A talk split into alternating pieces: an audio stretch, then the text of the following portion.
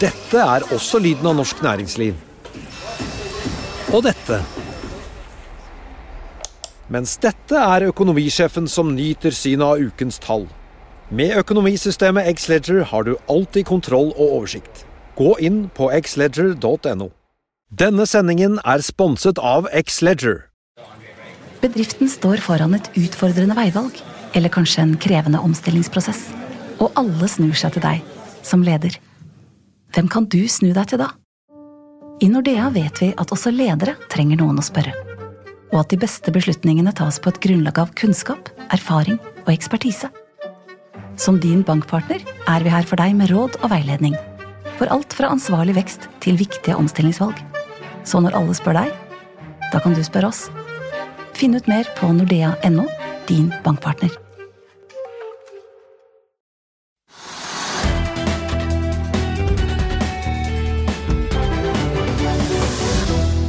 Hei og velkommen til Økonominyhetene. Vi skal snakke om utviklingen i dagens aksjemarked. Men, og vi får også et intervju med Andreas Myhre i Entelios om de rekordhøye strømprisene. Men først en nyhetsoppsummering. Vi begynner på Oslo Børs, som holder seg relativt flat i dag. og Det samme gjør oljeprisen. etter at brentspotolje handles eh, nå for rundt 71,2 dollar fatet. Kjell Inge Røkke-dominerte Ocean Yield stiger etter en analyse fra Kepler Cheverot, der meglerhuset ser 39 oppside i aksjen, men kursen er foreløpig bare opp 2,15% Grieg Seafood er også opp etter å ha lagt frem kvartalstall tidligere i dag. Nordea Markets anbefaler aksjen, som stiger nær 1% også Bank Norwegian har lagt frem tall i dag som var på den skuffende siden. Aksjen er likevel ned bare 0,3% Og på vinnerlisten ligger Next Biometrics høyt etter en ny avtale i USA, der kursen er opp rundt 4 også Hydro, Aker, Aker, Carbon Capture og særlig Hexagon stiger, sistnevnte med 6,7 Og Rex Silicon, Orkla og Nordic Semiconductor er ned. Og I Europa er det stort sett grønt å se, mens det i Asia var mer blandet i morgentimene i dag. Og det var ventet en positiv eh, utvikling ved børsåpning i dag. Trygve, hvorfor er det ikke det? Altså Nå beveger markedet seg ganske flatt. Hva skjedde? Nei, det er vanskelig å si. Jeg tror det er egentlig at folk er veldig usikre. Og så skjer det ikke noen store ting. Det er ikke liksom noen sånn kjempenyheter, det er ikke liksom driv i markedet, det er ikke noen sånn aksjedrivere. Og så tror jeg det at når man har hatt all time high, det hadde vi senest i går, altså sånn intradag, så var det all time high, så tenker folk at det er, nå er den godt og godt og godt, og det er stadig 30-40 ganger det har vært nye all time high. Så jeg tror at altså Man er redd for at det plutselig skulle si at liksom, nå, nå, holder det ikke lenger. Nå, nå, nå går plutselig markedet 5 eller 10 eller 20% ned. Hvis det kommer et eller annet supernegativt, da, høye renter eller veldig høy oljepris, eller noe som kan liksom dempe veksten. Så jeg tror det er usikkerhet. Altså, at vi hver dag har liksom helt flatt, det er liksom litt merkelig.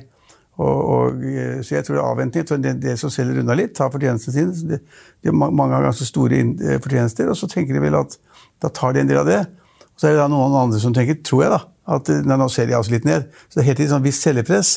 Så kursen går litt, igjen, så er det selgerpress. Det er, ja, det er vanskelig å få kursen opp hvis det ikke skjer noe veldig, veldig viktig i internasjonal økonomi. Ja, for Den seneste tiden så har jo hovedindeksen gått litt sånn sakte, men sikkert oppover, og da nådde en topp. Men, I går. Ja, i går. Men når det da ikke skjer noe nytt som er ekstremt positivt i dag, så er det jo kanskje ikke noe grunn til Nei, da mener jeg at, kjøpe? Jeg, altså jeg vet heller ikke hva folk tenker, men jeg tror at folk liksom blir litt forsiktige, ser litt unna. Eh, det ville jeg gjort hvis jeg var sånn trader på Oslo Børs. Så ville jeg liksom sikret meg litt. Da. Eh, og Derfor så får du ikke en stor vekst. og Det skal veldig mye til nå for at liksom, å, det var så bra, enten i oljepris eller fisk eller tech, eller eh, at man liksom, nå går markedene. Det eneste stedet det kunne skjedd, er i shippingaksjene, hvor vi har hatt den oppgangen i containertransporten. Den er der fortsatt. Og vi har også oppgang i, i tørrlast i som er opp i dag, en av vinnerne. For det er interesse for tørrlast og for å frakte varer verden rundt. Der har vi en trend. Men den har liksom gått ganske lenge, da. Den har gått og gått og gått. og gått. Og det har vært siden i vår, eller? Ja, altså MC eh, Container, MC-BC. Mm. Eh, den har jo gått liksom altså, Ja, for i dag er den opp 0,94 Ja, den har gått, nå, den har gått mange, mange hundre prosent ja. Eh, i de siste årene. Så der er det en trend i markedet. Det er noe som skal ivaretas. Og resten så er det ganske stor usikkerhet. Og et godt eksempel på hvor vanskelig det er, det er det at oljeprisen betyr ganske mye for norske aksjer og oljeselskapene, de store oljeselskapene, men også andre selskaper innen offshore og andre. Og nå har den prisen ligget sånn på 70, som du sa i sted, 70-71 dollar på fat. Eh, og så er det liksom diskusjon skal den gå videre, skal det bli enda høyere pris, dyrere, skal oljeprisen falle? Men den ligger omtrent flatt, den også. Men det er til tross for at det har kommet en melding fra OPEC som du sier at liksom, nå tror vi liksom det eller OPEC, altså De som har sett på OPEC, hva sier og mener, så, og, og så er det andre som har meninger om oljeprisen, og så sier de da at nå vil oljeprisen gå opp. Fordi at, øh, nei, nå vil oljeprisen gå ned. Unnskyld, at den vil gå ned fordi at liksom verden ser dårligere ut. og innstramningene i alle landene rundt Middelhavet, innstramningene i Kina, innstramningene overalt, gjør at man bruker mindre olje, mindre bensin, og at veksten går ned. Men oljeprisen har ikke falt et millimeter etter at det kom ut. så Folk tror ikke helt på det. Man tenker som sånn at nei, altså, det går ikke så mye ned i Frankrike, det går ikke så mye ned i Portugal, det går ikke så mye ned i Spania, det går ikke så mye ned i Norge. Landene går stort sett bra, selv om alle landene, nesten med få unntak, melder om at det er en form for nedstengning. Smitteeffekten er høyere enn det var før.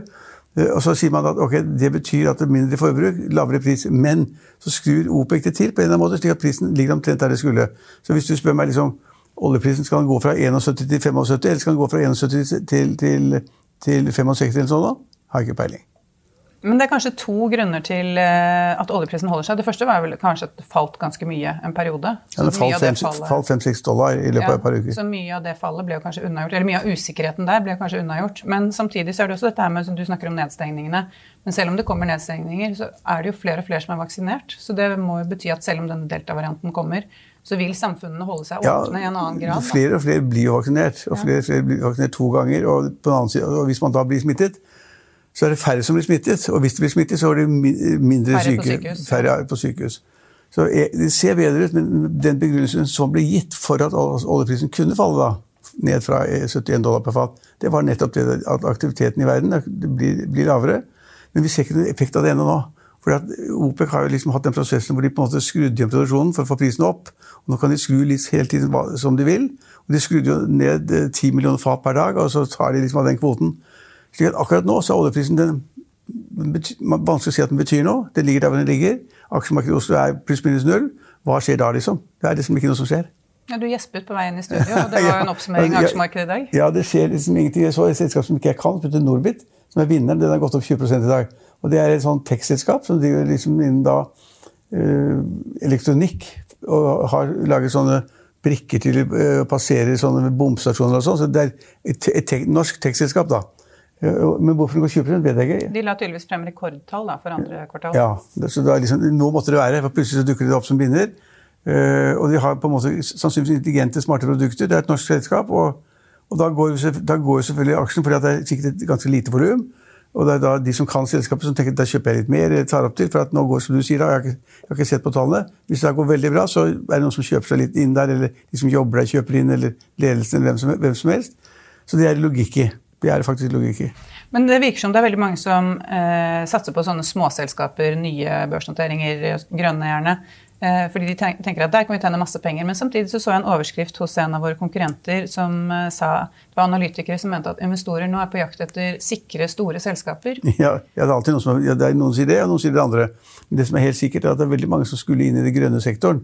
Masse, altså masse nye selskapsdannelser masse aksjonærer. og Da har, vi, har man sett at de gikk opp 50% 100 og så har det falt 50% Det gir usikkerhet. Altså, Hva skal man si da, liksom? Så den, den der bølgen vi hadde med at nye grønne selskaper var det en som teller hydrogen eller karbonfangst eller altså hva som helst. Du kan bare nevne det. Uh, renseprosesser. altså Alt det gikk opp, og så har halvparten falt 50% Det er ikke bra. Derfor tar det ganske lang tid før de er på en måte vil tilpasse til at man vet om da grønne aksjer er tingen. Eller, som du sier, eller spør, liksom skal vi da gå inn i de sikre, tunge selskapene som gir et utbytte? Vi vet hva de får. De får liksom en, en, en avkastning på 3-4% direkteavkastning. Og så er man der. Liksom, det kan være Hydro, det kan være Elkem, det kan være Yara, det kan være store banker eller kjære banker. Så det er, to, det er liksom to retninger. da. De som sa nei, jeg skal ha grønne selskaper, noen sier vi skal ha tech-selskaper, og noen sier vi skal ha de tunge, gode som man kan sitte med hvis markedene blir dårlige. Og hvis, veldig, hvis markedet faller mye, så vil kanskje de store, tunge selskapene med store, gode utbytter de vil kanskje holde seg best. Men eh, hvis man ser på listen over de selskapene som er mest omsatt i dag Du hadde jo da, sånn som du sa, Norbit, som er et lite selskap som stiger veldig mye. Steg 18 prosent eh, tidligere i dag. Um, og så har du da jeg tenkte på eh, et selskap som heter Saptek, som heller ikke er sånn eh, kjempestort. Eh, og det er mange av de små selskapene som er høyt på vinnerlisten, da, mens disse store, sånn som Yara og sånn, de er mer på 0,5-0,6 Ja, for det, det, er ikke, det, er ikke noe som skjer. Altså, enten, altså prisene kan vi. Vi kan prisene, Aluminiumsprisene har gått veldig mye. Det er bra for Hydro. Det er stor etterspørsel etter gjødsel. Liksom verden skal våkne til live igjen osv. Så, videre, så det er, det er, ikke, noe nytt. Og det kommer ikke noen nye regnskapstopper lenge heller. så liksom det er, altså, Man må gjette litt selv, og så må man tenke litt over hva kom og hva sa forskere. Det, det, det er en god grunn til at markedet er sånn pluss-minus null. For det er, altså, å finne trenden nå, det er supervanskelig. Og det er som du sier, det er små, enkelte selskaper som da kommer med gode tall. Hexagon kommer også med gode, veldig gode tall for omsetning, ordreinngang, ja, tjener penger. Og den er også opp 5-6% Det er da forståelig, for de har et produkt. Sånne tanker og ja, sånn, ja, tanker som de har hydrogen og, og produserer hydrogen i. Eh, og da går markedene. For de har, er det nisjen som man kan tjene pengene. Men øh, altså, vi er jo midt i en resultatsesong, og det kommer jo ekstremt mange selskaper hver dag. I dag så var det jo, jeg vet ikke hvor mange det er på den listen her, men kanskje 15 stykker i hvert fall. Har du, har, du, sett noen sånn spesiell trend foreløpig? Nei, Nei, for det er så veldig forskjellige selskaper. Det var liksom ja. Nordby, som jeg ikke kjenner så godt. Og så var det Hexagon, som jeg da kjenner, og som vet at det kommer tall og det går bra. Og så, så må man lete etter liksom, hvorfor går kursene. Man må forstå det, man kan ikke bare følge en eller annen trend som andre snakker om. Og da har vi et godt eksempel på det Aker Karbonfang, som du har hentet i går kveld. Så hentet de 700-800 millioner kroner i en emisjon til 20 kroner. Og da var kursen i dag, da børsen åpnet, så var den 22-23. Og det er litt, litt merkelig. Du kan hente 800 millioner kroner til kurs 20, men du må liksom gi litt rabatt da, for folk til å tegne når de ringer opp. Ringer, megleren ringer deg klokken ti om kvelden mm. og sier at vil du ha 50 millioner kroner i Aker karbonfangst. Hvorfor skal jeg ha det, liksom? Ja, Røkkeselskap og det er grønt selskap. Ja, ok.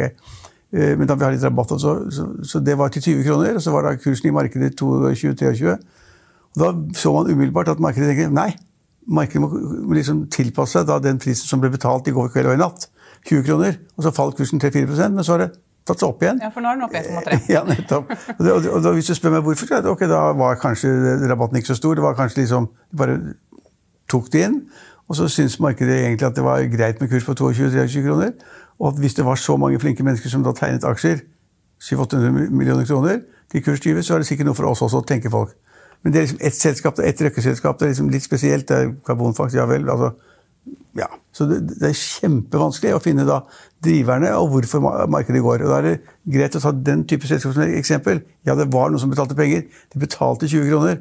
Markedet er 223. Er den kursen skal bli litt ned, så går den litt ned. Så, så sier det andre nei, det er verdt å betale 223, for de som betalte 20, de har gjort det fordi de tror de skal gå videre. Eller høyere opp. Men i eh, tidligere resultatsesonger eh, nå, altså etter at koronapandemien startet, så har vi jo sett i hvert fall har, Mitt inntrykk er at vi har sett klarere likheter for selskapene. For det var sånn, alle gikk dårlig, også bortsett fra da typ handel og sånne som hadde fortsatt åpent. da. Eh, og så har alle begynt å gå bra igjen, mens nå er det mer blandet. Jeg har sett litt på banksektoren, og da har du jo da f.eks. sparebankene, som eh, selvfølgelig i fjor, andre kvartal i fjor satte av kjempestore summer til tap men i år så har de jo ikke det, og dermed er jo resultatene langt bedre i år. Men Bank Norwegian ikke så bra. Nei, men altså de, de satte av for mye i fjor. Ja, ja. Så annet kvartal ble liksom satte sånn. Ja, tok høyde for at dette blir helt forferdelig i Norge, at alle går konk. Alle selskapene går konk. Og så fikk man da statens eh, hjelpefond, holdt jeg på å si, kompensasjonsfond, som skulle kompensere for det fallet i, i inntekt som ble nærmest ble påtvunget av det offentlige. Og da var alle engstelige, og da bankene måtte ta til høyde for det. og satt av med, ja, Sparebank1 Rogaland satte av da 1 milliard. ikke sant? I år har de satt av 250 millioner. Og hele veien satte de for mye. Men så er det selvfølgelig alltid noen som gjør, gjør det dårligere enn andre. som du nevner. Altså, noen banker da har lavere inntekt og dårligere marginer. Uh, og de burde kanskje satt, satt av enda mer. Uh, men, men hovedinntrykket er da at bankene de satte av for mye. De kompenserer for i år ved å få enda bedre resultater, og så har kursene gått. Eller at kanskje produktet deres ikke passer lenger? da, sånn som Ja, det kan, være. det kan være. Men er det noe annet du har bitt deg merke i i dag? Nei, Det er jo det mer jeg trodde. på å si. Nei, det er ikke, nei, for jeg mener, markedet er så avventende. Det var også da har det vært all time high i Amerika, men så er det da litt sånn avventende på Nasdaq, på de tech-aksjene der også. slik at Nei, det er ikke mye jeg vil si at liksom, dette må vi passe på, det må vi gjøre noe med. Det vi ser at det er stadig noen som tjener ganske gode penger i, i norsk næringsliv. De er flinke. Her i nisjer, produserer tripp-trapp-stoler, eller de produserer uh, uniformer borti altså Det er helt merkelige greier. Uh, så det er alltid noen som tjener penger, noen som er flinke, og som har snudd seg rundt. I den nedgangen vi hadde i fjor, så var det noen som måtte snu seg rundt. Og så er det noen som og så er, alle så jo at uh, når man ikke fikk lov å reise i Sverige, så ville da kjøpesentrene på norske siden av grensen selge mer og tjene mer. Hvis de fikk være åpne. Ja, hvis de fikk være åpne. Og det, og det gjorde de. ikke sant? Og så var da de butikkene som selger øl og mineralvann og alt det andre, de som, pleide, de som pleide å kjøpe det i Sverige, måtte kjøpe det i Norge. Altså tjener da De store kjedene tjente masse mer penger. Det så man, det visste man. De som var stengt, tjente selvfølgelig ikke noe. Og nå, når det da åpnet opp igjen, så vil selvfølgelig de som da var langt nede, de vil jobbe som svinet med lavere kostnadsstruktur. Jeg har kanskje sagt opp masse folk, permittert masse folk. Så tjener de mer penger på en lavere omsetning. Så det har snudd veldig fra da, liksom, krisestemning kommet ut av den, og så har man begynt å regne på da, hvilke selskaper det er egentlig som har hatt glede av at liksom, man, sto, altså man stoppet grensen til Sverige. Ja, nå, nå reiser nordmenn til Sverige igjen for å kjøpe goodies og øl og snus. Men det lønner seg visstnok å ha med for mye, fordi da slipper du å stå i den lange køen over grensen med de som ikke skal tolle noe. Nei, for vin for mye. Det er nesten riktig det du sier. Jeg har ikke vært der, jeg kommer ikke til å reise dit heller, men det som er, det som er, det er en svær kø. Mm. Som alminnelige mennesker reiser i. Bilen er full med tyggegummi og snus og øl og kjøtt. De venter to timer hver dag, eller mer, i helgen. Men så er, var det da én line for de som skulle fortolle. Ja. Og de er da liksom lastebiler og næringsdrivende som da skal reise over og fortolle da gressklippere eller, eller whatever. Og de som var smarte, de som da tok med seg en flaske som de måtte fortelle, som da ikke hadde bilen full med dette her, som gjerne ville gjennom uten å vente i to timer, de kjørte da på 'jeg skal fortolle'. Mm. Og det brukte de to minutter på å fortolle en flaske ja, ja. vin, og så kjørte de videre. Ja, Så det er moralen. Kjøp for mye vin. Nei, vær smart. Vær smart og se hva som foregår. Ja. For nå kom det jo forslag da, fra, fra næringsdrivende, de som da driver profesjonell transport. De sa jo det at det der går ikke an. Vi vil ha den line for oss. så Vi som lever av dette, her, vi vil ikke sitte i to timer med kyllinger eller fisk eller hva det måtte være, vi, som trenger å levere produkter på bestemte tidspunkter. Vi vil ha den linen. Og Da sa politiet at det, at det er ikke helt sikre på, men det skal vi se på. Så det ser de på nå. Ja. Så smartingene, de som da var så smarte og kjørte, de, de kan bli stoppet ganske snart. Men øh, jeg er ikke 100 sikker, for jeg kjører ikke så mye over grensen til Sverige selv. Men det står vel ikke spesifikt at den røde er for Fortolling? Nei, nei, men altså at det er bare for type varer og sånn men det står næringsliv, da. Jo, men det står jo ikke at det er kun for lastebiler. Og, nei, det står ikke det. Derfor kjører folk det. Det er ikke, ja, ja. ikke lovlig i det hele tatt. Så da er det jo litt vanskelig for dem å endre de reglene, da, kanskje? Nei, de kan endre pga. trafikken så endrer de reglene at den ene filen går med vanlig trafikk, og de to andre er til næringsdrivende. kan gjøre når som helst. Og de kan åpne en gammel bro som har vært stengt, og det er mye at de kan gjøre. Men poenget er at de har ikke hatt folk til å håndtere det. Mm. Og så hadde de ikke tenkt på da, at noen var så smarte at de da kjøpte en flaske vin når de kom fra Sverige et annet, Kanskje jeg har vært på hytta i Sverige, har handlet null og niks. Så tar de med en flaske vin til fortolling og kjørte den ene linen tvers igjennom, mens de andre satt i to timer. Men, uh, jeg skal ikke noen sånne køer, i hvert fall. To ting som slår meg. Det ene er at Vinmonopolet burde vært børsnotert. Og det andre er at den tollutdannelsen, som tydeligvis var veldig veldig populær i fjor, som hadde typ 25 plasser, den kommer jo sannsynligvis også i år til å bli veldig populær. da. Ja, men, men, det var jo pga. realityshow? Vinmonopolet altså, er en ganske morsom case, for eh, det er jo ikke børsnotert, det er statens eiendom. Men vi visste jo, måtte vite, så hvis det hadde vært et privat selskap, man ville liksom lære seg å tenke litt sånn strukturer, næringer, hva som skjer. Og alle visste jo det at Vinmonopolet ville tjene utrolig mye penger. Fordi de fikk all den trafikken som hadde vært i Sverige ellers, eller i andre land. Så de måtte tjene masse penger, og det er altså en kjempeomsetning tjene masse penger. Så man må liksom lære seg å tenke, Får man den situasjonen da hvor du får en sånn eh, pandemi og alt, alt, blir satt på hodet, så er det ikke så veldig vanskelig å finne ut hvilke næringer og butikker som kommer til å tjene på det. Do you remember what it's like being in your 20s? I sometimes look back at that period of my life and laugh just as much as I cringe. If you do the same, then you've got to watch Queenie, the new original series on Hulu. Who is Queenie? Queenie is a 20 something year old living in London. She's facing all the firsts first major heartbreak, first shitty apartment and soul sucking job first therapy session to work through those mommy issues. Can she turn her quarter life crisis into a revolution? Maybe. Will she make some questionable decisions along the way? Definitely. The new series Queenie is now streaming on Hulu. Dette er også lyden av norsk næringsliv. Og dette. Mens dette er økonomisjefen som nyter synet av ukens tall. Med økonomisystemet Xledger har du alltid kontroll og oversikt. Gå inn på xledger.no. Men uh, her på huset så er det jo Hegnarvin ofte til jul. Kanskje du skal begynne med det? Nei, vi får Hegnarvin. Den er laget av Ja, Men jeg tenker kanskje du skal se på det på en større og ha ditt eget eh, vinselskap? Kanskje nei, det kan bli veien inn til Vinmonopolet? Nei, nei, nei, jeg har altfor liten, liten, kunnskap om det og kan ikke nok om det. Men altså, vi har jo her da, en sånn eh, vinsatsing i huset som ledes av min sønn som går på liksom elektroniske ting, og alle restauranter kan få greie på hva som er i deres restauranter, andres restauranter. Og, og Svein Lundin, da. Ja, og Svein Lundin. Ja, da, så, vi, så, vi har to stykker uh, som jobber med det. og de så vi driver med vin, men vi driver ikke og kjøper og selger vin. Nei, vi kanskje vi skal begynne med det? Nei, vi har, vi har vin til alle til jul, det skal de få. Ja. Men er det noe annet som du har tenkt på med markedet? Er det noe spesielt som skal skje fremover? Nei, men nå er det noen som spør meg, og det er et ganske godt spørsmål. men jeg har ikke noe godt svar på det. Og det er liksom det at når vi er mindre enn fem uker til valget, 13.9., hva betyr det hvis vi da Vi har en sånn spalte i Finansavisen ennå hvor vi spør liksom øh, Faller liksom verdien ned etter valget, og, og hva skjer liksom etter valget osv.? Altså man liksom spør om folk har tanker og ideer om det. Øh, og hva skjer, spør folk meg. Altså Hva skjer hvis, med norsk økonomi med aksjemarkedet? Så er Oslo Børs. Og det er kjempevanskelig å svare på. Øh, fordi det skjer jo ikke noen konkrete ting Altså, etter valgdagen. Det, det kan, I statsbudsjettet for 22 kommer kanskje da det meste frem. Men om en ny regjering som da kanskje blir utnevnt i oktober-november, om den tar for seg statsbudsjettet for i år, mm. og forandrer noe i tallet i år Veldig dårlig tid. Ja. Det er det veldig dårlig tid på. Veldig, så de har veldig dårlig tid for i år, så har de nesten ikke noe tid for neste år. så Det kommer ikke de store dramatiske endringene med en gang. Men det er klart at psykologien kan endre seg ganske kraftig i markedet. Ikke for gjødsel, ikke for olje, ikke for gass. Det kan liksom endre seg litt. Da, slik at kanskje blir det litt verre for konsumsektoren. Kanskje ikke like, like, lett å selge biler, ikke like lett å selge båter. Kanskje ikke like lett å selge ferie på norske hoteller på Vestlandet og Nord-Norge, for de er jo fulle nå. Mm. Kanskje folk, Det kan bli små skifter, men, men, jeg, men når folk spør meg, så jeg, det har jeg ikke noe godt svar på. Jeg tror det blir en liten sånn Jeg tror ikke det blir så mye forskjell. Ja. Det er jo ikke så mye forskjell. Nei, det blir ikke store forskjellen, at, men, men det kan bli en sånn klimaendring at folk tenker liksom Dette liker jeg ikke. Altså, da skal, etter valget så skal da Audun Lys, øh, Lysbakken fra SV han skal liksom ha noe å si med en gang. Bjørnar Moxnes fra Rødt skal ha noe å si med en gang. Og, ja, og, ja, ja, og, alle skal markere seg, alle skal vise seg frem. Og så skal da liksom alle spekulere hvem som skal bli statsråd og hvor. Det blir masse uttalelser. Liksom, nå skal vi ta de rike.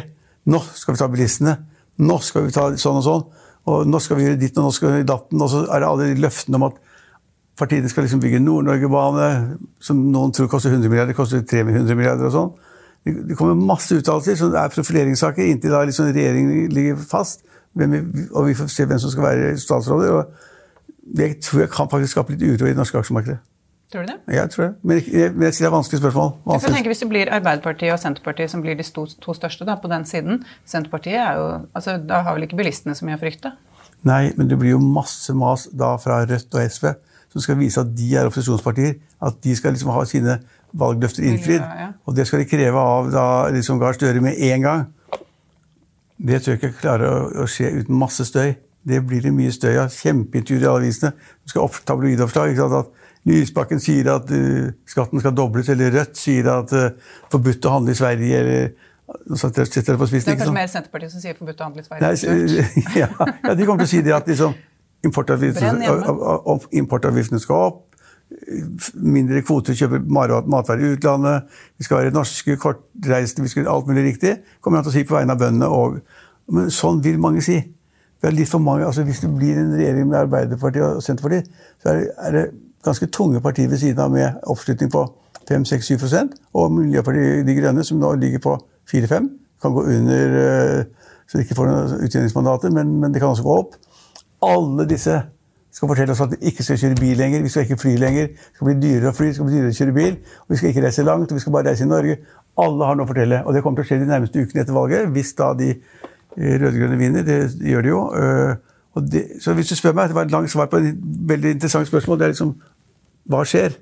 Ja, jeg tror at det blir, det blir noen dårlige sentimenter med en gang. For, ikke fordi at regjeringen kommer til å gjøre, den nye regjeringen da, kommer til å gjøre så mye med en gang, men alle skal si noe.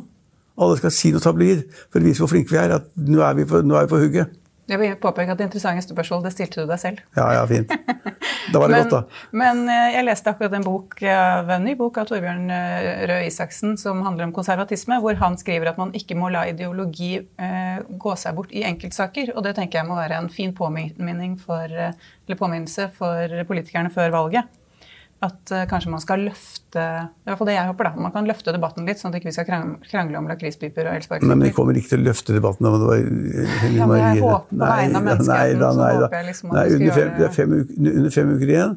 Kan vi ikke snakke om uh, sånne store ting Ideologiske ting? små dusteting? nei, det kan man ikke.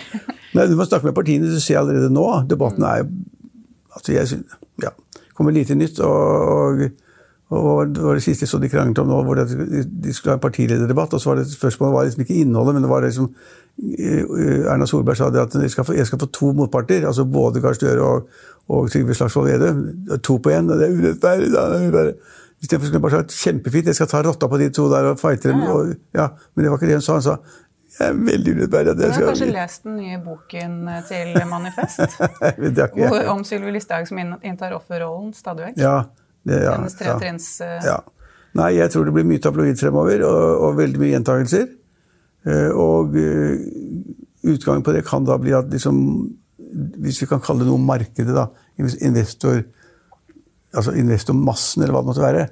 De kommer til å være kjempenervøse og lurer på hva som foregår. Og får de for mange sånne tabloide uttalelser, som da eksploderer kvelden den 13. september og 14. 15. For nå kommer alt sammen! Hvis de får et kjempeflertall. Det får de sannsynligvis. ikke sant? Eh, for et kjempeflertall så skal alle, alle løftene innfris. Hvis alle løftene som er kommet, både om å ta folk og gjøre folk og nye skatteendringer og hva som helst, alt mulig rart, det, det tipper jeg blir negativt. Men så kan det godt tenkes at vi sitter her om fem uker og ser at markedet har liksom gått opp 3-4-5% en børsdag eller en fredag, og at, og det er positivt. og at Det var ikke så fælt. Vil du si, spørre meg liksom, det var ikke så ille og se markedet hvordan det reagerer. Men skal man si noe, eller måtte finne på å si noe, som jeg, og jeg syns er vanskelig, så tipper jeg at det, fordi det er så mye tabloid, og fordi det så voldsomt engasjement i media osv., så, videre, så blir det ikke noe særlig bra. Men hvilke store saker er det som kan slå ut, da? Hva er det som egentlig har så stor betydning for aksjemarkedet? I, ja, kan, altså, jeg tenker på, det, er jo, det er jo egentlig store internasjonale Nei, de endre, ting. De kan endre, ja, men de kan endre hele beskatningen. Ja. Altså, de kan endre hele beskatningen. Det å liksom eie, eie, eie en, del, en, del, av næringslivet i form av aksjer osv. Men tør de det, da? Ja altså, de, de, altså, Både Rødt og SV og Arbeiderpartiet har jo sagt 100 ganger, ikke Senterpartiet, at nå, nå, er, det liksom, nå, nå er det alminnelig mann og husholdning sin tur, og nå skal de rike tas. Så noe må du finne på. Og så er det Hvordan definerer man de rike? Jo, de, det er masse definisjoner. Jeg kan veldig mange. Men en av definisjonene er da at liksom de som da tjener under eller, altså de som tjener under 600 000, skal få skattelettelser. De som tjener over 700 000, de skal få kraftige økninger i skattene. Det er, altså, hvorfor, det er bare pirk. Men samtidig så tenker jeg det er jo folk som eh, både tjener under og over, som stemmer på dem, så de må jo være litt forsiktige der òg, da. Ja, ja, men det blir en tabloid diskusjon om det. Mm. For liksom altså, Over 60 eller 700 000 kroner altså, med, all, med all respekt altså, det, er ikke, det, er, det ene eller det andre er ikke verdens undergang. De kan forandre også da. Det er masse ting de kan forandre. Og, og, de kan forandre boligbeskatningen. De forandre, det er mye rart de kan beskatte. Altså, kan, tenk deg teoretisk at de tok bort rentefradraget. Det tør de aldri gjøre. Det er ingen som har sagt at de skal gjøre heller. Jeg tenkt på gjeld på gjeld? Ja, på boliggjeld. Men det gjør de ikke. Det er, Nei, det er ingen som har turt å si heller. Men, men er, de kan, de, de, altså, mitt poeng er ikke det at jeg vet ikke hva de kommer til å si, men jeg, men jeg, jeg tolker debatten slik at de må nesten finne på noe. De må stå frem den 14.9. og si nå skal vi ha vår, vår politikk oppfylt. I morgen i morgen skal de begynne å bygge uh, ny jernbane fra Fauske til Tromsø. I morgen, skal de si. ikke sant? Det kan de si. Og så kan, så kan Rødt si, noen fra Rødt, si at det blir mye dyrere å fly.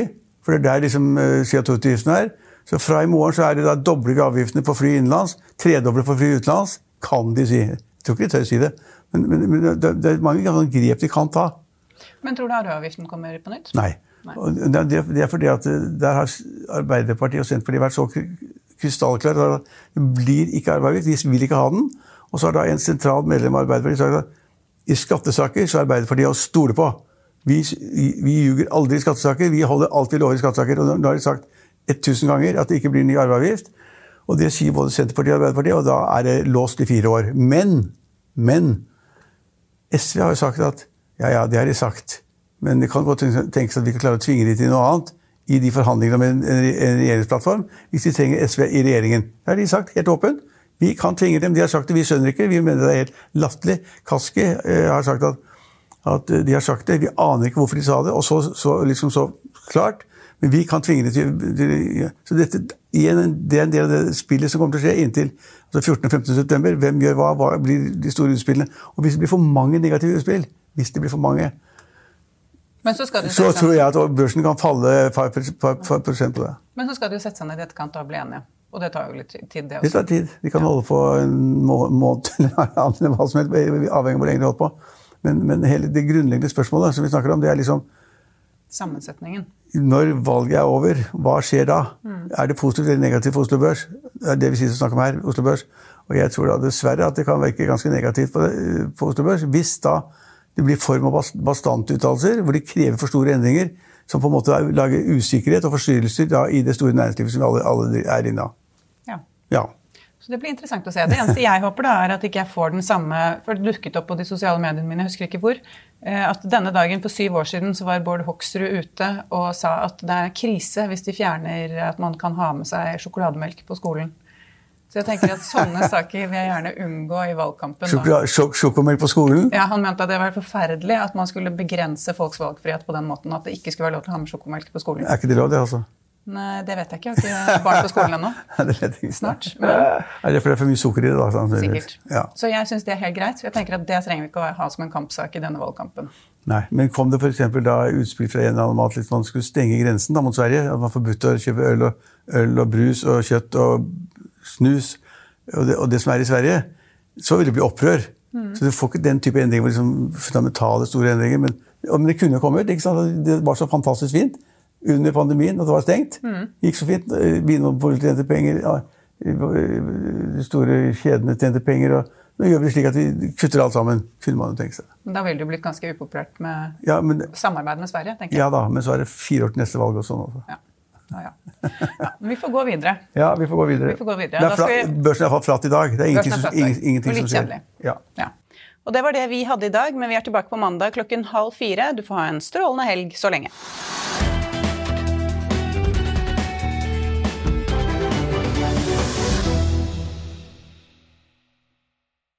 Denne sendingen er sponset av X-Leger. At the UPS store, we know things can get busy this upcoming holiday. You can count on us to be open and ready to help with any packing and shipping or anything else you might need. Is there anything you can't do? Um, actually, I don't have a good singing voice. the UPS. Nope. But our certified packing experts can pack and ship just about anything. At least that's good. The UPS store. Be unstoppable. Most locations are independently owned. Product services, pricing, and hours of operation may vary. See Center for details. Come in today to get your holiday goodies there on time. ACAST powers the world's best podcasts. Here's a show that we recommend. Hi, I'm Jesse Cruikshank. Jesse Cruikshank. I host the number one comedy podcast called Phone a Friend. Girl, let's phone a friend. Not only do I break down the biggest stories in pop culture with guests like Dan Levy and members of InSync, I do it with my own personal boy band singing jingles throughout because it's my show. It's your show, girl. New episodes of Phone a Friend Yeah. drop Thursdays wherever you get your podcasts. So work it, girl. Yeah, work it. Okay, that's enough. ACAST helps creators launch, grow, and monetize their podcasts everywhere. ACAST.com. Økonominyhetene er en podkast fra Finansavisen. Programledere er Marius Lorentzen, Stein Ove Haugen og Benedikte Storm Bamvik. Produsenter er Lars Brenden Skram og Bashar Johar. Og ansvarlig redaktør er Trygve Hegnar.